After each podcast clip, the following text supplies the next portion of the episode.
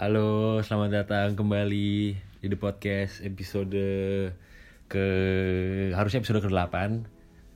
Um, gue Mario Verdi, saya sendiri lagi di sini. Tidak ditemani dua teman saya. Sepertinya emang agak susah ya kalau mau ngerekam bertiga.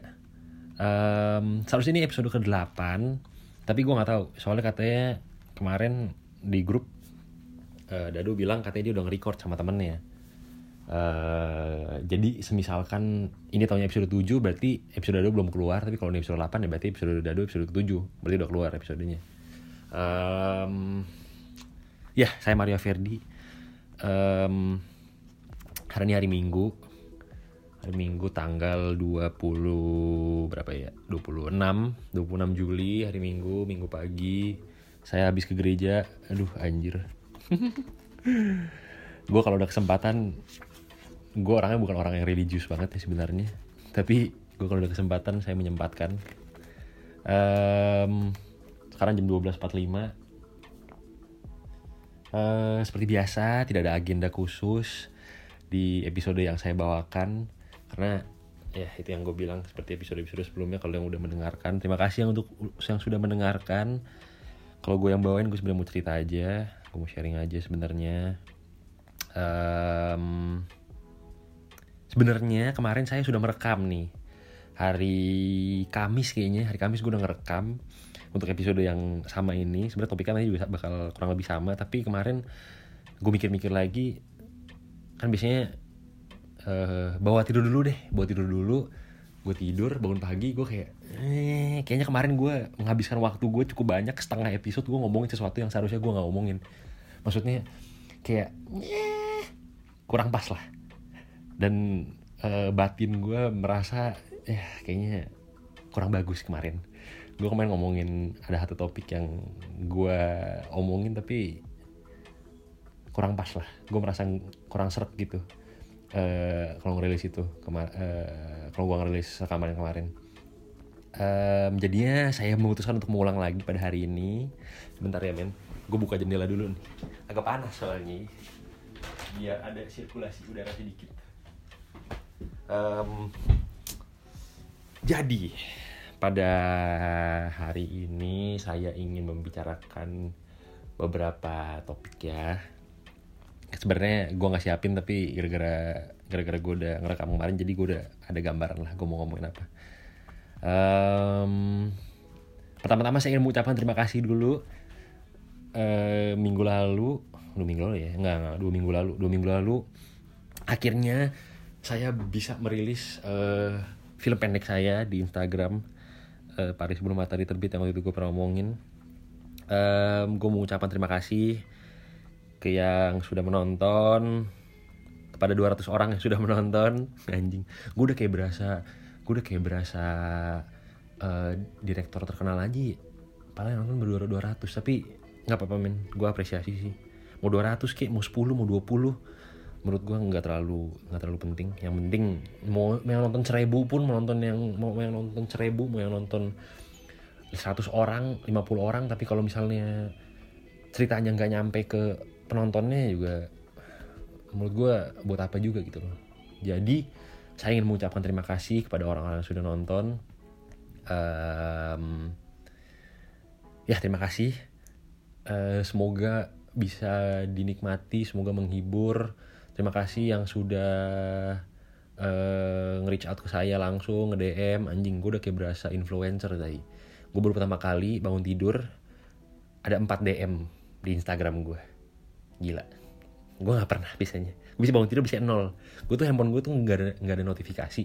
Jadi gue sebenarnya emang sebenarnya gue nggak suka dengan ide notifikasi. Dan, dan maksudnya juga nggak ada yang sms gue dalam seharian itu. Yang sms gue kalau ada satu orang sms gue pun nge wa gue gue udah seneng. Jadi makanya gue kagak pernah nyalain notifikasi karena nggak tahu kan kayak hmm, anxious aja gitu loh. Nggak tahu kayak uh, jadi akhirnya gue matiin dari dulu emang gue emang gak pernah pakai notifikasi. Jadi kalau SMS lu gue balas itu berarti emang genuine gue lagi ngecek SMS gitu. Ada yang SMS gue nggak ya? Dan biasanya mayoritas waktu tidak ada sebenarnya yang SMS saya ya. Jadi um, terima kasih yang sudah membagikan kesan dan pesannya. Terima kasih yang udah uh, nge DM gue langsung. Ada yang berapa? Ada yang bilang oh bagus banget gini gini terima kasih.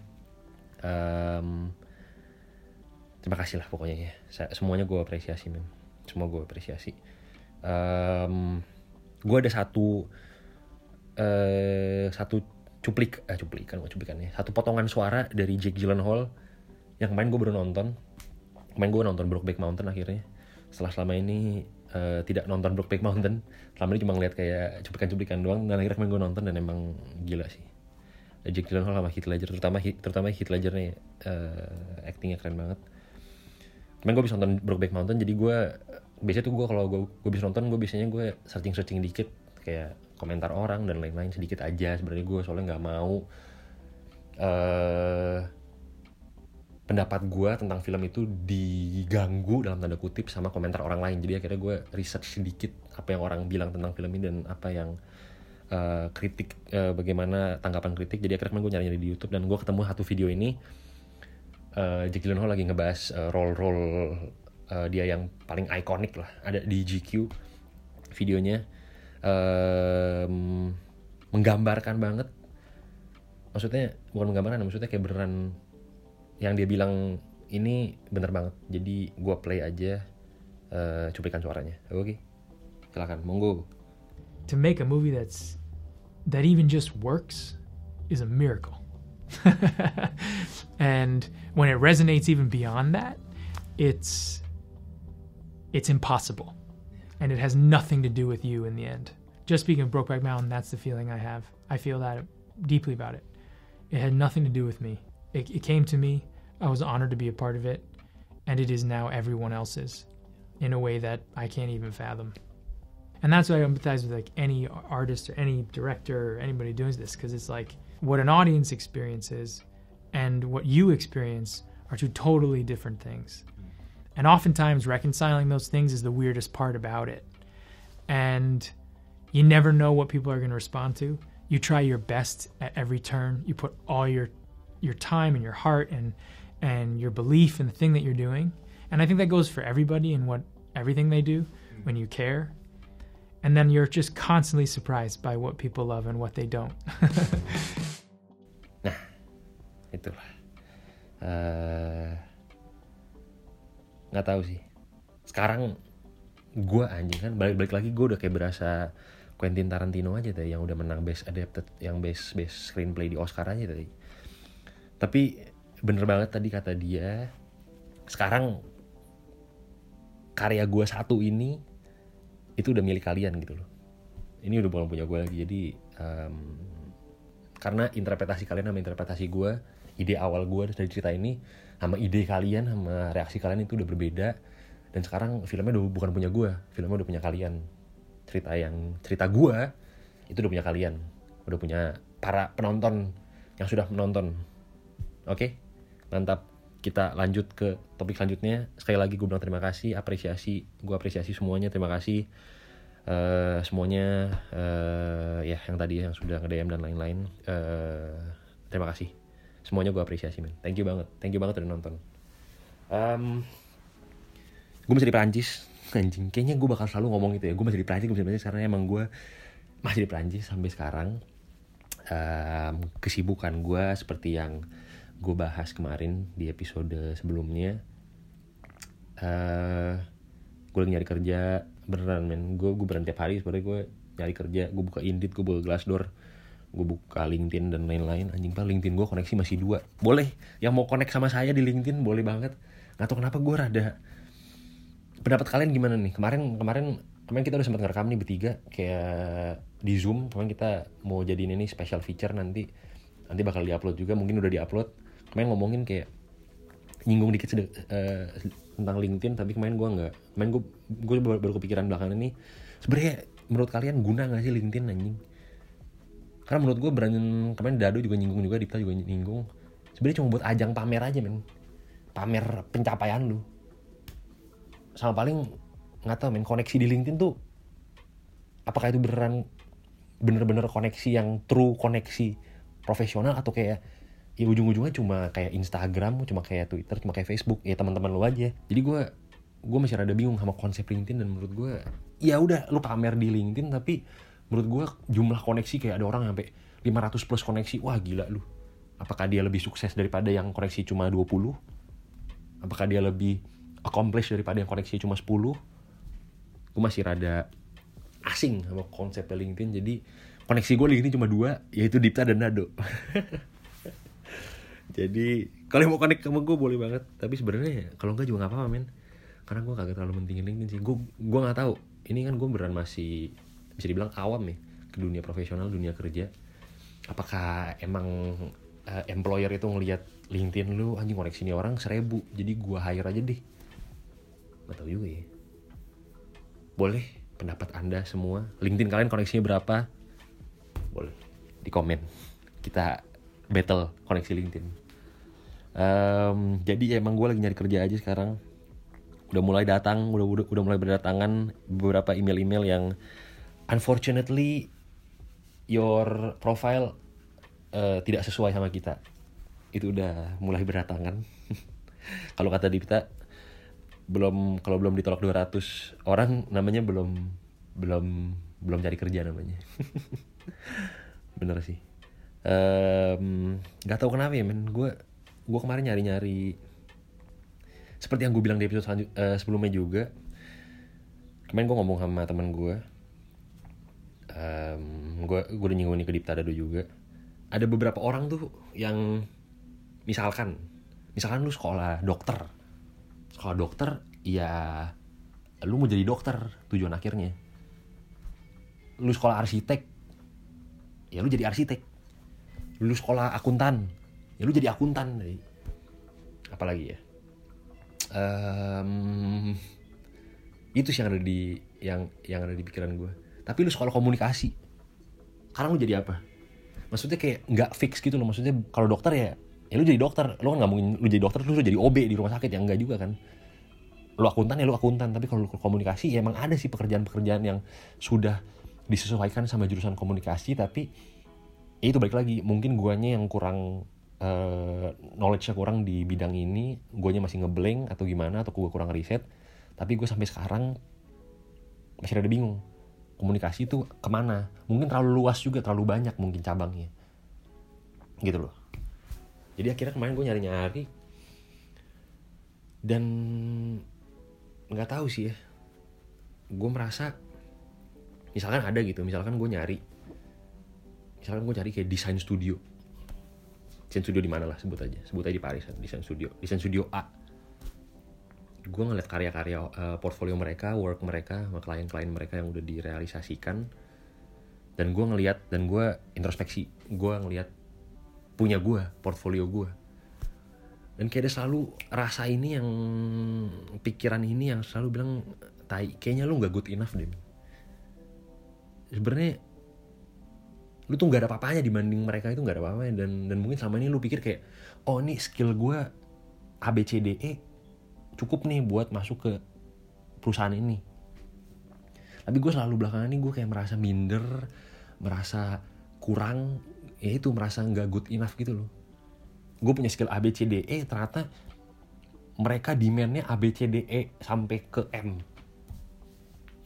Yang ujung-ujungnya bikin perasaan kayak sebenarnya gue good enough gak sih buat masuk sini? Sebenarnya gue bisa gak sih? Kalau gue nanya itu ke orang-orang kan gue apply aja gak ya? Gue apply aja gak ya? Jawabannya sama kan? Coba aja dulu. Coba aja dulu.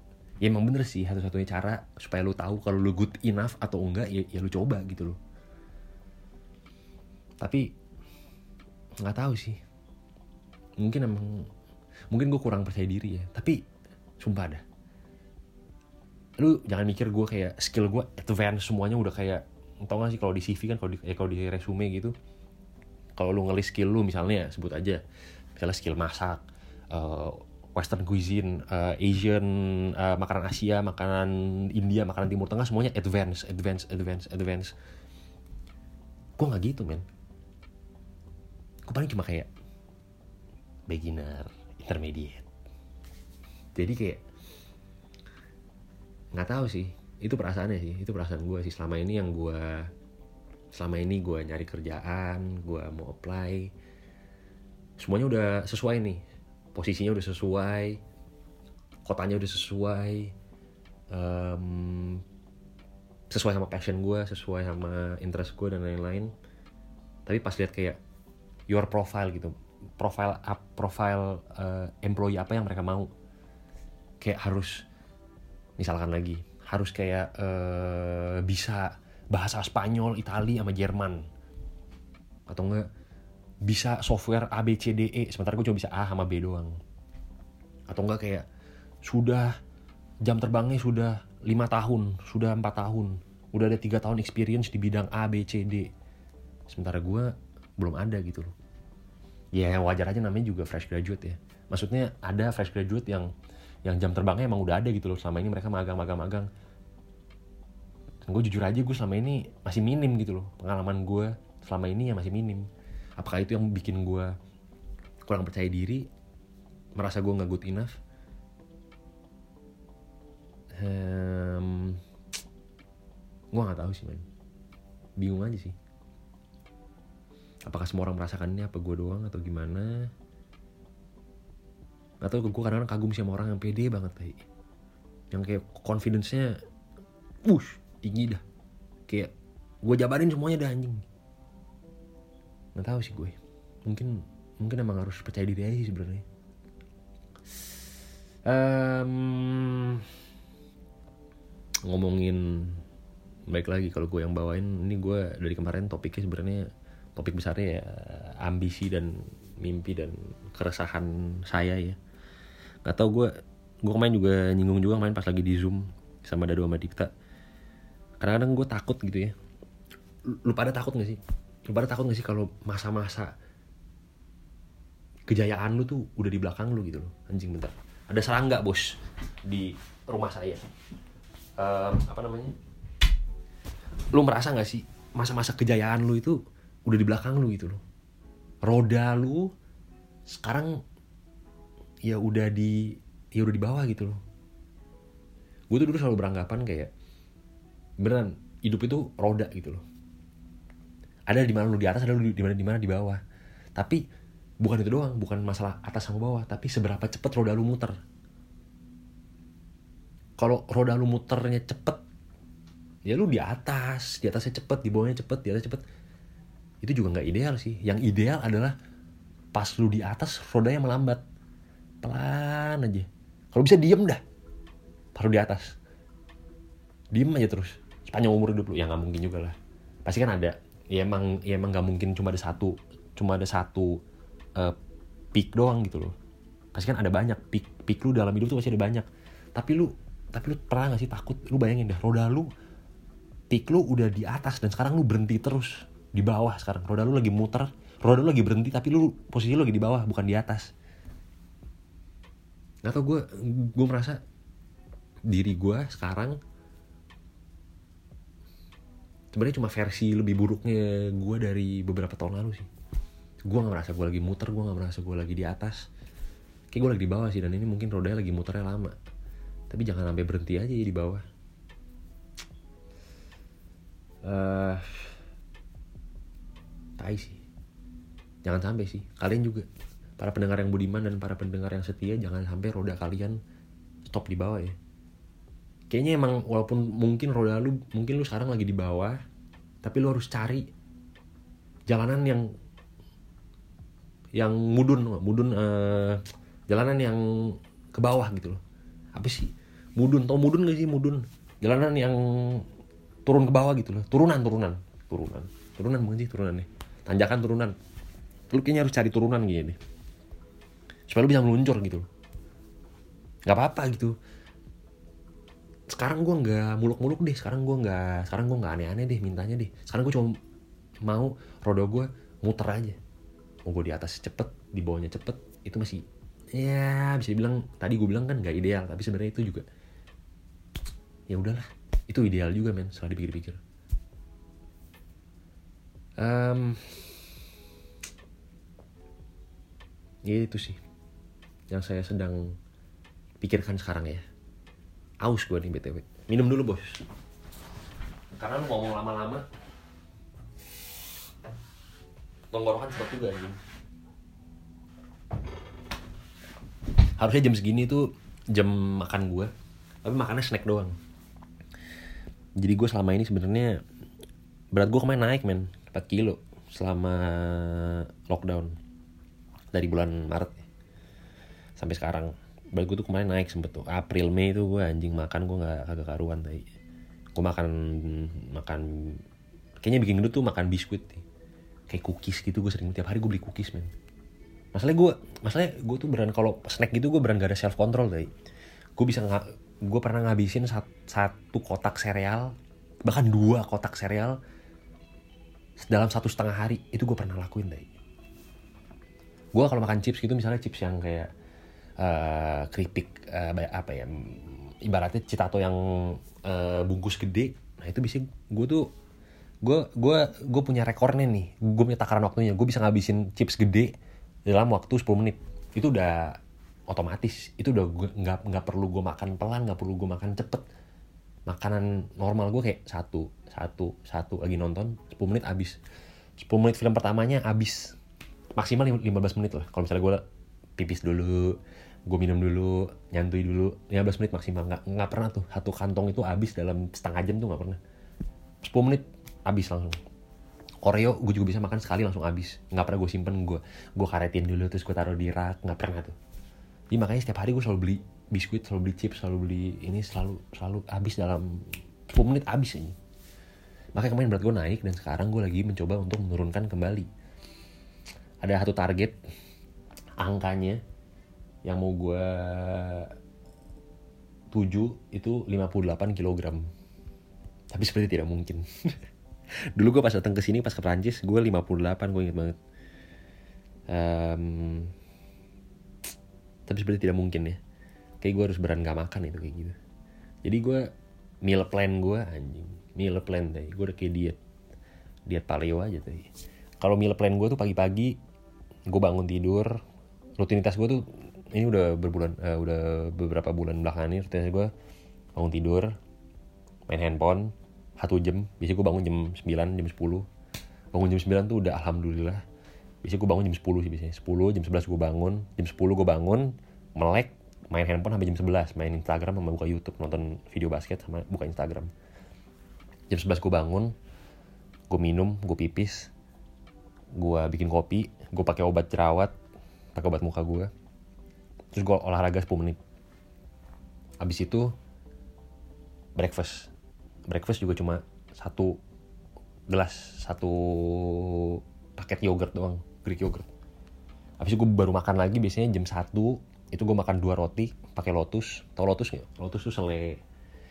Lebih enak daripada nutella men. Gue nggak bohong. Lotus di mana pun anda berada uh, saya endorse nih. Mantep banget enak banget deh gue suka banget deh gue makan dua roti lotus misalnya kayak misalnya gue makan tadi jam setengah dua belas gue baru makan dua roti itu. Kalau gue lapar gue makan jam 2 terus jam 4 gue makan lagi dua lagi jadi empat roti buat snack gue dua-dua. Baru malamnya gue makan makan gede nasi atau nggak pasta apa pun itulah. Terus gue bisa malam-malam tuh gue udah nggak produktif gue nonton film terus gue tidur.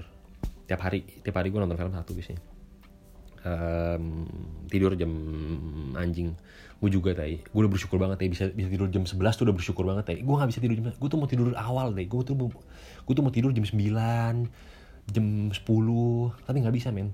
Selalu ujung-ujungnya gue akhirnya gue udah diranjang dari jam 11 tapi gue baru tidur jam 1 gue nonton YouTube nonton video.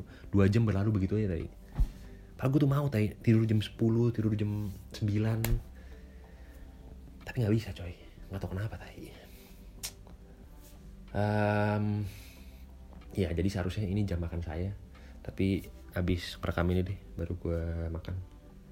Um, seperti yang gue bilang kemarin gue mau ngomongin di episode kemarin gue ada satu topik yang selalu pengen gue ngomongin Peter Pan dan lain-lain. Ada satu topik yang mau gue ngomongin tentang musik lagi. Tapi ini sebenarnya agak ya merembet dikit topiknya agak nyambung dikit sama tadi tentang keresahan gue tentang masa depan gue gue mau ngomongin dekat. Dekat itu band Indonesia apa ya? Trio trio vokal.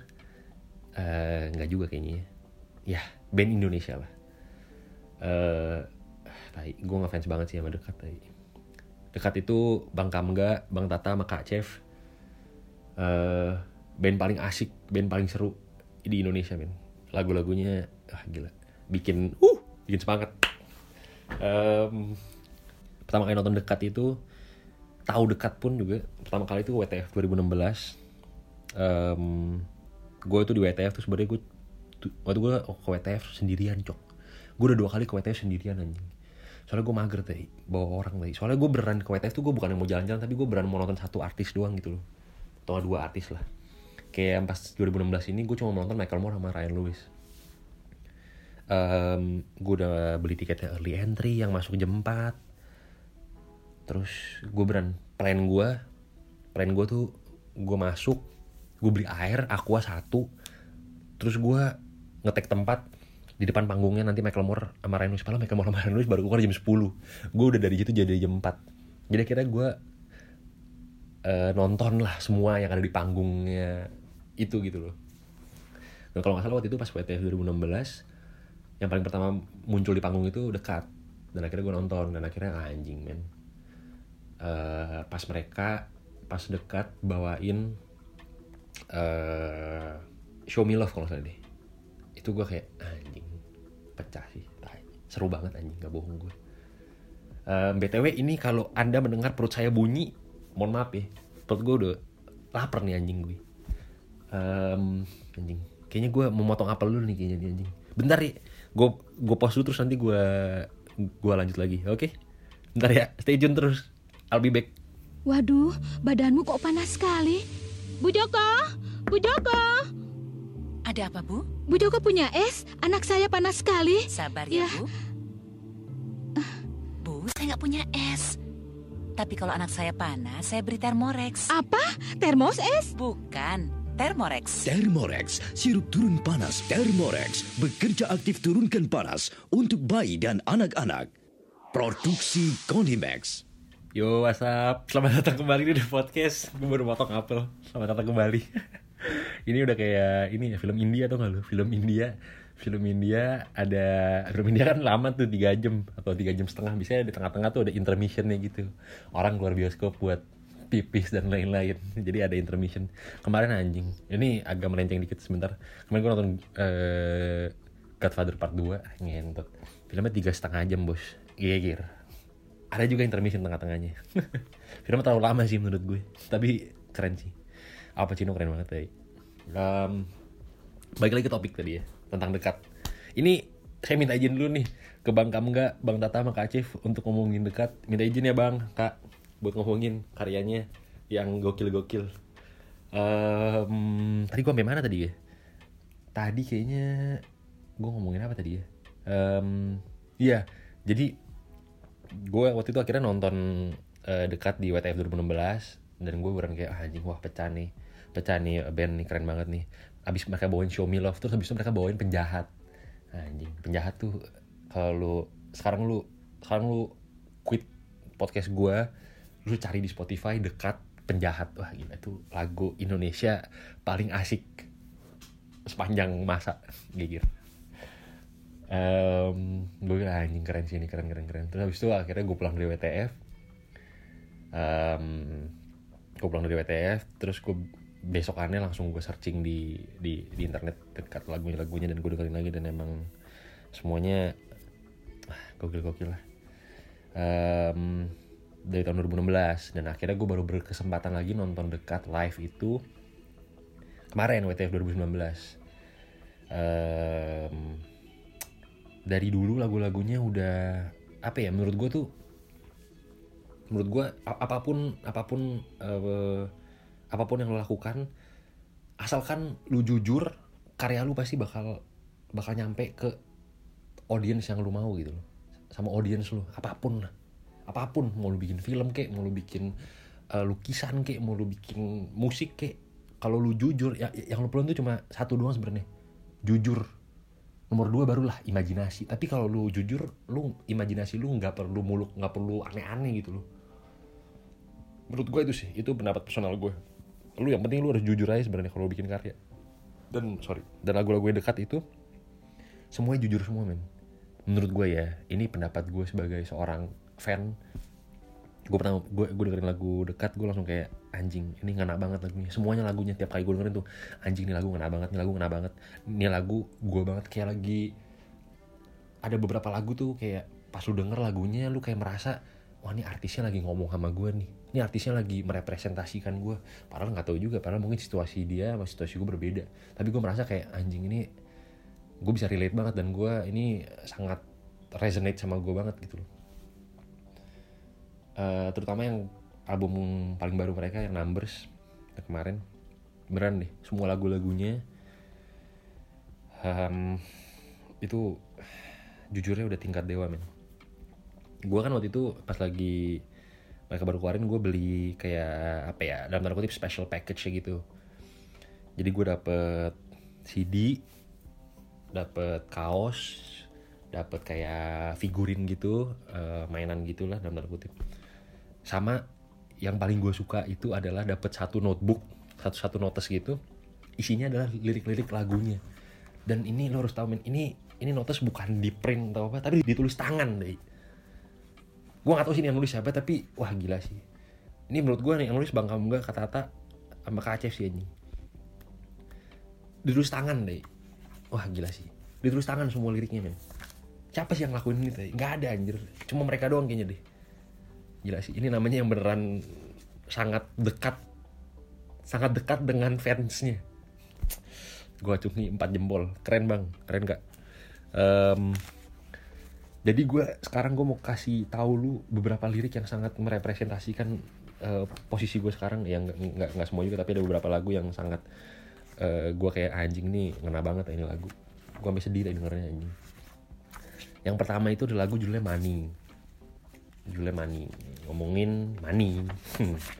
Em, Money itu kayaknya dirilisnya sebelum keluar Numbers keluar albumnya keluar udah ada Money. Udah kayak jadi single sendiri. Em, ntar deh gue cari. Ini gue lagi not- notesnya gue bawa ke Perancis supaya jadi motivasi buat gue thank you bang. Thank you kak. Ini anjir nih dia. Oke ketemu guys. Di Money itu bagiannya Bang Kamga nih. Gue bacain aja ya Bang Kamga kayaknya fan bola kan nih. Dia lagi dia lagi ngomongin mau pindah ke London. Tapi lirik yang gue suka nih ada eh, Mama no, no need to worry worrying about my state of economy. She can brag about me on her family chat cause now I'm not a brat who just ask for money gue menangis sih. Sebenernya sebenernya yang bikin gue ini kayak anjing nih relate banget. Soalnya ya mimpi tiap anak itu sebenarnya apa sih sebenarnya yang paling basic itu menurut gue ini gue ya gue gak tau lu pada. Mimpi gue tuh ya anjing ujung-ujungnya cuma mau banggain orang tua aja sih sebenarnya sih. Mau bikin orang tua bangga dah sebenarnya. Dibilang nih kan nyokap lu mama nggak usah khawatir deh nggak usah khawatir tentang duit gue nggak usah khawatir tentang keadaan ekonomi gue lu boleh pamerin gue di di di di di di grup web di grup WhatsApp di grup lain soalnya sekarang gue bukan cuma anak yang minta duit doang kerjaannya. Men itu saya sih. Tapi kita selama ini kan cuma kayak anjing tapi gue sih mau sih ya eh, nyokap gue kayaknya nggak nggak akan pamerin pencapaian gue juga sih. Kalau pencapaian itu ada pun kayaknya juga sekarang juga masih nol ya pencapaian saya tidak ada. Tapi kalau ada pencapaian kayak nyokap gue ya tapi lu bayangin aja sih maksudnya nyokap gue kayaknya juga nggak akan pamerin gue di grup WA grup WA keluarga. Maksudnya nyokap gue ya tapi lu bayangin aja sih misalkan nyokap lu kayak gitu misalkan nyok- biar nyokap lu nyokap lu boleh pamerin ke keluarga nih anak-anak gue berhasil anak gue sukses. Itu sih mimpinya sih banggain orang tua sih. Terus ada ada pas dekat live gue lupa dekat live di mana tapi gue ada di YouTube juga. Pas bagian pas bagian ini nih pas bagian tadi lirik yang tadi gue bacain itu gue nggak tahu apa gue doang atau emang bang bang Kamga beran kayak beran kayak eh, nyanyinya tuh kayak passionate banget gitu. Sampai sampai tangannya tuh kayak "Uh," gimana sih? Kayak lu nonton sendiri dah lu cari dah dekat live eh, nyanyiin mani. Ada pas bagi nyanyiin bagian itu kayak beran kayak anjing gue I feel you tai bang I feel you sumpah. Kalau emang nyanyinya seperti yang gue interpretasi gue kayak anjing nih ngena banget sih lirik ini bagian ini tentang banggain nyokap ini. Em, bagiannya Kak Chef juga. Liriknya let me treat you let me treat you ma. I wish I had money. Anjing. Kapan gue bisa traktirin nyokap gue Eh, abis itu selanjutnya ada lagi yang lebih yang gokil juga. Ada lagunya yang judulnya Why Worry. Why Worry itu ya itu ngomongin maksudnya ngapain lu khawatir gitu loh. Ngapain lu khawatir ngapain lu khawatir em, tentang mimpi lu. Ya emang mungkin mimpi lu mimpi lu bakal mimpi lu bakal kada luar dalam tanda kutip mimpi lu bakal expired mimpi lu bakal gagal. Tapi ya udah why worry gitu loh. Kalau kata dekat nih eh who says it is over far from game over you can restart it all over again. Ya bener kayak mimpi lu ya kalau gagal ya udahlah ya udah restart lagi aja gitu loh bangun lagi gitu loh men. Jadi gak usah khawatir. Ini nyinggung gak usah khawatir ini maksudnya kayak apa ya? Artinya living in the moment tuh apa sih? Kayak ya nggak mengkhawatirkan hal-hal yang belum terjadi kan? Gue mau ngomongin sedikit tentang kemarin gue nonton Last Dance-nya Ma- Michael Jordan sama Chicago Bulls ada satu quote kalau misalnya gue nggak salah ini gue nonton Last Dance bukan Last Dance bukan kayak di, kayak di Last Dance di episode berapa gue gue gue gue nggak inget. Kalau lu nggak suka basket pun gue saranin lu nonton. Karena filmnya beran gila lu beneran tahu Michael Jordan tuh ambisinya segede apa orangnya se hardworking apa dan orangnya beneran. Iya maksudnya apa ya em ya emang dia goat gitu loh. Emang dia greatest of all time ya itu udah bukan argumen lagi ya emang dia goatnya tadi walaupun TBH gue mau goatnya sebenarnya LeBron James tapi nggak apa-apa. Tapi maksudnya gue ngerti gitu loh kenapa orang bilang dia goat gitu loh. Em, ada satu cerita singkat gue eh, antara siapa ya waktu itu? Pokoknya ada orang yang bilang lagi ngomongin Michael Jordan. Michael Jordan itu salah satu trait dia salah satu karakter dia yang paling paling oke paling mantep paling top itu adalah dia tuh living in the moment banget. Dia tuh nggak mengkhawatirkan hal-hal yang belum terjadi. Dia dia nggak mengkhawatirkan kalau dia nge-shot kalau misalnya dia nge-shoot kalau dia misalnya lagi three point dia tuh nggak mengkhawatirkan ini bakal masuk atau enggak gitu loh. Ngerti gak sih maksud gue kayak oh, ngapain mengkhawatirkan hal yang belum terjadi gitu loh. Jadi kayak ya udah tembak aja udah three point aja udah jump shot aja udah. Sampai ada satu cerita lagi di Last Dance itu. Ini kalau misalnya gue nggak salah ini juga ya kalau gue gue agak lupa Michael Jordan sama satu player lain siapa tapi gue player yang ini gue lupa siapa orangnya. Tapi kalau nggak ceritanya begini kayak ini bayangin aja kayak ada satu game satu game NBA anjing gue lapar lah gitu ya bentar ya. Apple time apple time apple time. Oke. Bayangin aja ada satu game. Di game ini kalau nggak kayak lagi playoff deh kayaknya lagi, lagi playoffs Michael Jordan kalah nih di guard sama orang ini lah di guard sama si player A ini kita sebutnya player A nih gue lupa namanya siapa soalnya. Di guard sama player A ini. Player A ini pas lagi game yang pertama ini dia nges nge-score ya sebutnya 20 poin on Michael Jordan gitu loh. Pokoknya Michael Jordan intinya kesusahan lah pas lagi game pertama ini. Nah terus em, singkat cerita player A ini bilang ke Michael Jordan good game Mike. Gara-gara dibilang padahal Michael Jordan kalah pada malam itu. Dan maksudnya mungkin kayak sarkastik gitu kayak good game good game tapi sarkastik kayak anjing lu nggak apa-apa sama gue lu lu bukan goodnya men. Karena lu go guard lu nggak bisa ngapa-ngapain. Dia bilang good game Mike. Pas di game keduanya anjing abis tuh player A dihabisin sama Michael Jordan. Gara-gara dibilang good game doang. Dan ternyata ada plot twistnya nih. Kata orang katanya kata orang-orang sebenarnya si player A ini nggak pernah ngomong good game gitu loh. Nggak pernah bilang ke Michael Jordan good game Mike itu nggak pernah. Itu sebenarnya nggak pernah terjadi. Conversation itu nggak pernah terjadi sebenarnya. Itu cuma ada di kepalanya Michael Jordan. Michael Jordan bikin bikin cerita itu supaya dia termotivasi gitu loh. Seakan-akan orang ini bilang good game padahal orang ini nggak pernah ngomong good game. Apa orang ini nggak pernah ngomong sama Michael Jordan ibaratnya gitu loh. Tapi Michael Jordan bikin di kepala dia kayak ini motivasi gue ini ini bangsat udah udah udah malu-maluin gue sekarang lu game kedua nah ini lu terima balasan gue anjing. Mampus lu. Gila nggak lu? Ada orang seambisi itu tadi ambisinya ambisi udah tingkat dewa men temen. Boleh banget walaupun lu nggak suka basket boleh banget nonton Last Dance soalnya ah nggak tahu sih. Termotivasi aja men. Balik lagi ke dekat. Tadi why worry. Terus abis itu abis itu ada um, anjing lagu keren keren sih maksudnya bukan ngomongin keresahan masa depan aja yang 20 20 tuh lagunya jujur banget sih menurut gue anjing. 20 tuh lagu dalam tanda kutip lagu cinta ya tapi lagu cinta zaman sekarang menurut gue lagu cinta nggak harus melo-melo men. Lagu cinta boleh jedak jeduk juga anjing. Um, di 20 itu ada liriknya tadi yang gue, gue bilang maksudnya 20 itu lagu cinta sebenarnya lagu lagu cinta dalam tanda kutip.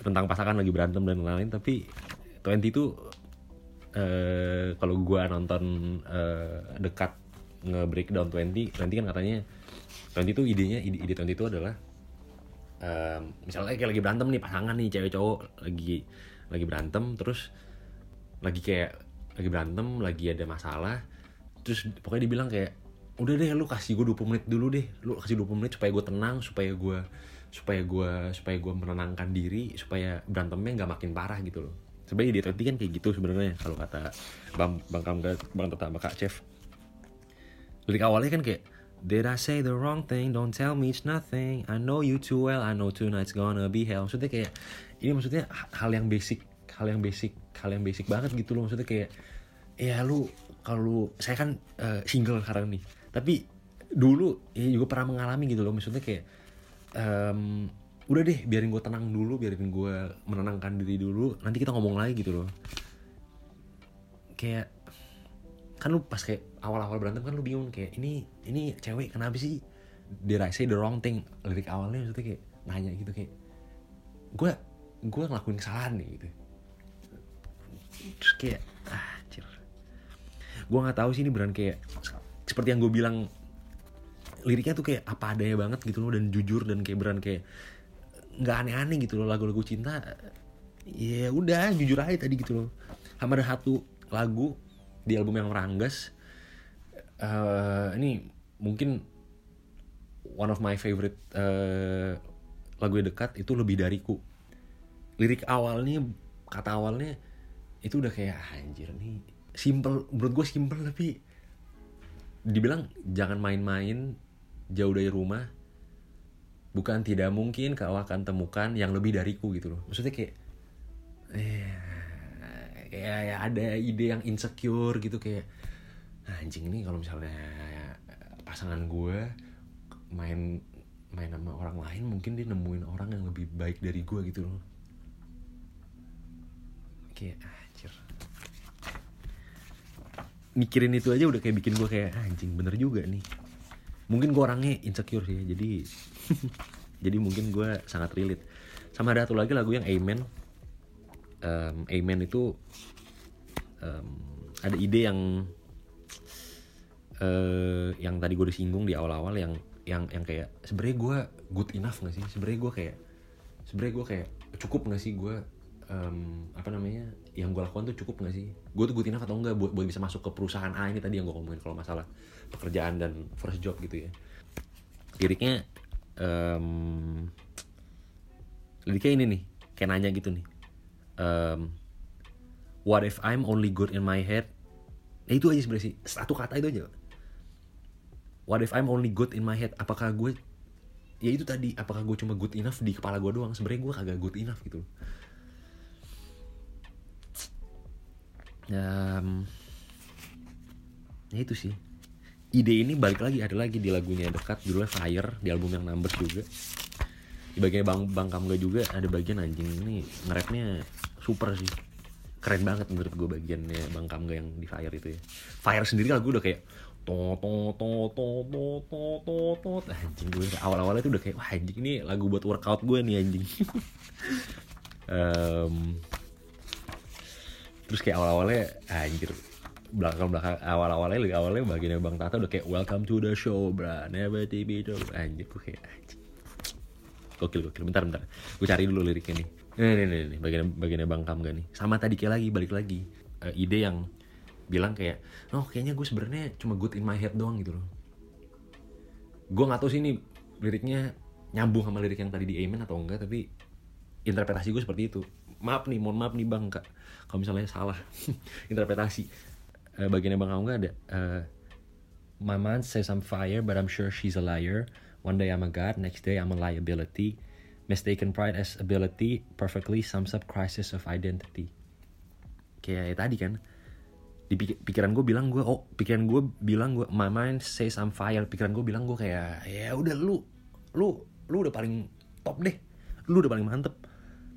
Tapi kayak di hari-hari berikutnya hari-hari besoknya gue mikir juga ah kayaknya pikiran gue bohongin gue nih.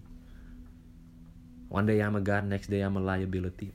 Terus di bagian ini juga ini yang menurut gue keren itu gara-gara kan liriknya ada eh, my mind says I'm fire but sure she's a liar. Terus habis itu selanjutnya ada next day I'm a liability. Di lagunya gue kan nggak bisa nge-rap nih jadi gue nggak bisa menjelaskan dengan baik mungkin nih. Tapi di lagunya eh kata she's a liar sama I'm a liability itu kayak rhyme gitu loh kayak berima apa sih? Berima bukan sih? Berima kan. Jadi karena dipenggal gitu loh Em, dipenggal pas gue pertama kali dengerin lagunya gue kira kayak next day I'm a liar. Tapi ternyata dipenggal sama bang kamu nggak. Jadi kayak but sure she's a li- but sure she's a liar. One day I'm a god next day I'm a liar. Belati jadi kayak nggak tahu sih gue lu dengerin sendiri dah judulnya fire dekat. Karena kalau gue dengerin karena kalau gue menjelaskan mungkin lagunya jadi agak tidak nyampe dan agak kurang keren kali ya. Mohon maaf nih bang. Em, tapi itu tadi sih. Balik lagi ke ide tadi. Ide not good enough itu. Gitu sih. Ah nggak tahu sih itu tadi sih yang gue bilang gue gue beran nggak bisa mungkin gue kurang baik menjelaskannya tapi itu tadi sih. Maksudnya lu kalau misalnya lu mau berkarya tuh sebenarnya lu jujur aja dan lagu-lagu yang dekat menurut gue udah honest banget sih. Makanya gue beran ngefan parah. Gue ngefans sama dekat karena lagu-lagunya jujur banget sih. Ada lagunya yang album mereka yang meranggas lu- judulnya Fact. Eh, bagiannya Bang Tata itu anjing Bang Tata nge-rap situ keren banget sih gue suka banget sih bagian itu. Awal-awal bagian awal kayak lagi ngomongin kalau nggak liriknya kayak gini fame money power happiness sampai melayang entah ke mana stop bicara karir kalau tidak bahagia atau minimal kita bisa dapat salah satunya. Kalau kalau salah kayak gitu deh. Maaf ya bang kalau salah. Ngerti gak sih? Jadi kayak fame money power happiness sampai melayang entah ke mana stop bicara karir kalau tidak bahagia atau minimal kita bisa dapat salah satunya. Maksudnya kayak ya itu tadi maksudnya ini nyambung lagi ke tadi. Maksudnya gue nanti kalau misalnya dapat pekerjaan ya gue mau gue mau sesuatu yang bikin gue seneng gitu loh. Kan ada kan ekspresi yang kayak find a job that you like so you will never work uh, again gitu. Maksudnya kayak kalau lu ngelakuin apa yang lu suka ya lu ngerasa lu kayak nggak kagak kerja gitu loh. Maksudnya buat apa gitu loh? Maksudnya buat apa lu da- da- banyak duit tapi lu nggak happy gitu? Tapi emang sekarang saatnya bukan bukan bukan saatnya untuk jadi idealis bukan saatnya untuk mementingkan um, idealis idealis gini kalau lagi nyari pekerjaan pertama menurut gue karena ya namanya juga nyari pekerjaan pertama jadi ya semua kesempatan yang ada sebaiknya itu balik lagi tadi dicoba aja dulu gitu loh. Gitu loh. Tapi em,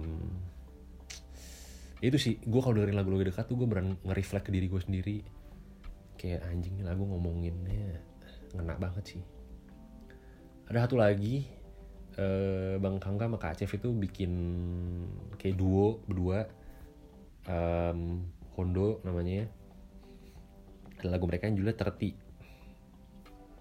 Menurut interpretasi gue Terti itu kayaknya maksudnya merepresentasikan umur 30 bener nggak Bang Kak? Kayaknya iya sih bener ya. Kayaknya seperti itu ya Kak ya bener ya. Em, soalnya lah melodi awalnya udah kayak lagu Happy Birthday kayak tang tang tang tang tang coba didengarkan. Boleh guys. Cari guys. Hondo. Terti judulnya. Em, di lagu itu eh ada satu lirik lagi yang yang, yang beneran kayak bikin gue campur aduk ya perasaan antara stres sedih dan lebih ke ini sih lebih ke sedih sih. Anjing. Umur gue sebenarnya masih 23 tahun ya. Eh umur gue berapa sih? 22 umur gue berapa ya?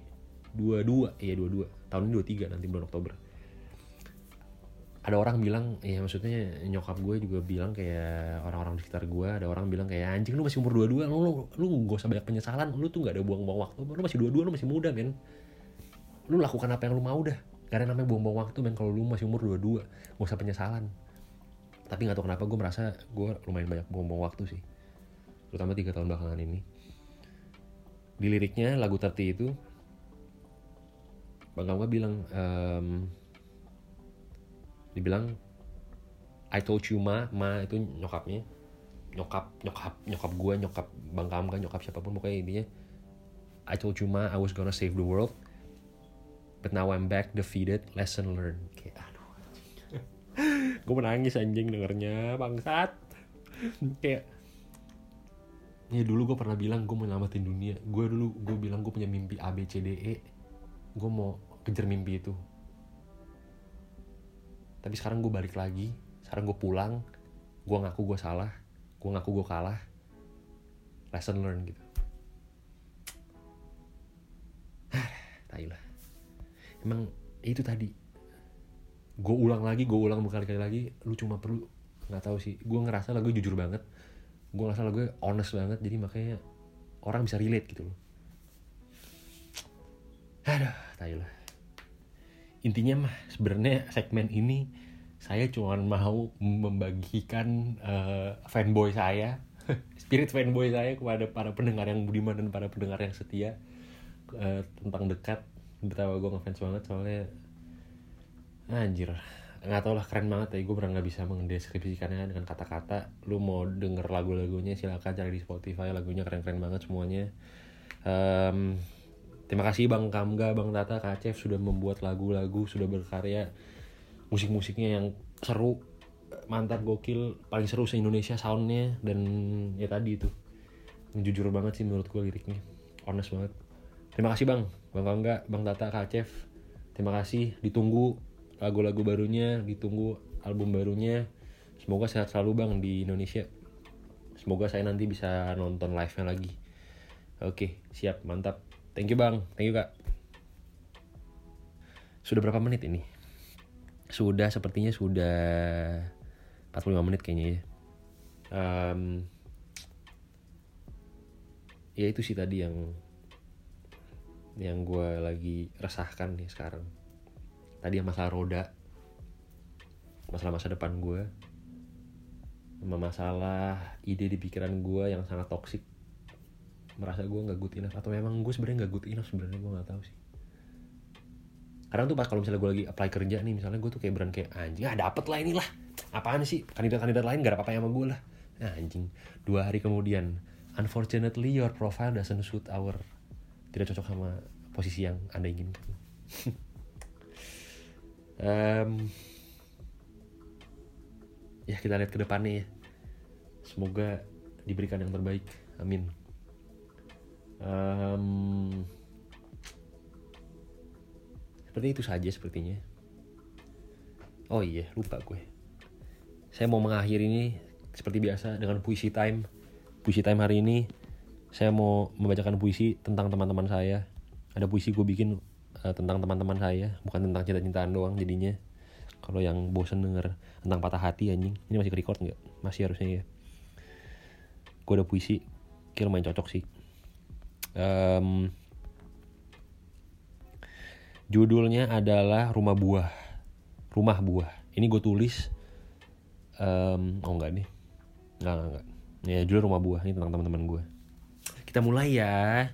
Kalau yang mau skip kalau yang mau quit boleh banget. Quit aja. Kalau yang nggak suka dengan, dengan gue baca puisi. Monggo.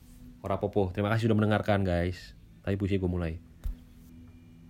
Kalau kata orang selalu tenang sebelum badai datang pengalaman mengatakan selalu menyenangkan sebelum malam mulai menunjukkan keberadaannya ingin sekali menangis namun untuk apa mata ini bertanya Beberapa tahun sudah berlalu sejak kita bermain monopoli di dekat rumahmu. Jalan merbabu. Hari besok kamu mulai bermimpi. Tidak, tidak perlu tertidur karena ini masalah ambisi. Bercerita seakan-akan dunia hendak berakhir. Nyatanya masa paling indah lah yang sudah berakhir. Dua benua satu hal yang harus aku akui. Hari muda dimulai saat ini. Tolong bantu aku karena ke mana harus aku pulang. Rumahku telah aku bakar. Ketahuilah, Aku selalu mendoakanmu dan langit yang segera kamu cakar. Masih ingatkah kamu saat kita menyaksikan pelangi bensin? Maafkan jika aku merepotkan namun aku tidak bawa mobil. Lampu kuning. Percakapan ini tidak kunjung menemukan titik akhir. Teman, aku minta maaf. Aku harus kembali pamit. Tahun depan semoga kita masih bisa menyelesaikan obrolan ini. Karena lusa aku harus memulai kembali. Namun apabila semua ini akan dilupakan, izinkan aku bercerita sedikit tentang persahabatan kita. Terima kasih sudah mendengarkan sampai menit ini. Semoga bermanfaat, semoga menghibur. Um, ya, semoga lo dan gue menjadi pribadi yang lebih baik setiap harinya. Sehat selalu guys, jaga kesehatan, jangan lupa pakai masker. Um, semoga keluarga semua di mana pun, keluarga kalian sehat semua, sehat selalu semuanya. Um, ya, semoga mimpi kalian juga kalau kalian yang lagi sama posisinya sama kayak gue, semoga mimpi kalian apa pun yang akan dan sedang kalian lakukan semuanya diberikan yang terbaik. Semuanya lancar, semuanya berjalan dengan baik. Yang lagi mau skripsi, semangat guys. Akhirnya perjalanan 4 tahun ini selesai. Akhirnya finish, finish dengan dengan baik ya men. Jangan finish dengan finishnya nomor satu. Jangan finish nomor 10. Diselesaikanlah dengan baik ya guys. Oke. Okay? Uh, terima kasih sudah mendengarkan. Nama gue Mario Verdi. Sampai jumpa di episode selanjutnya. Bye bye.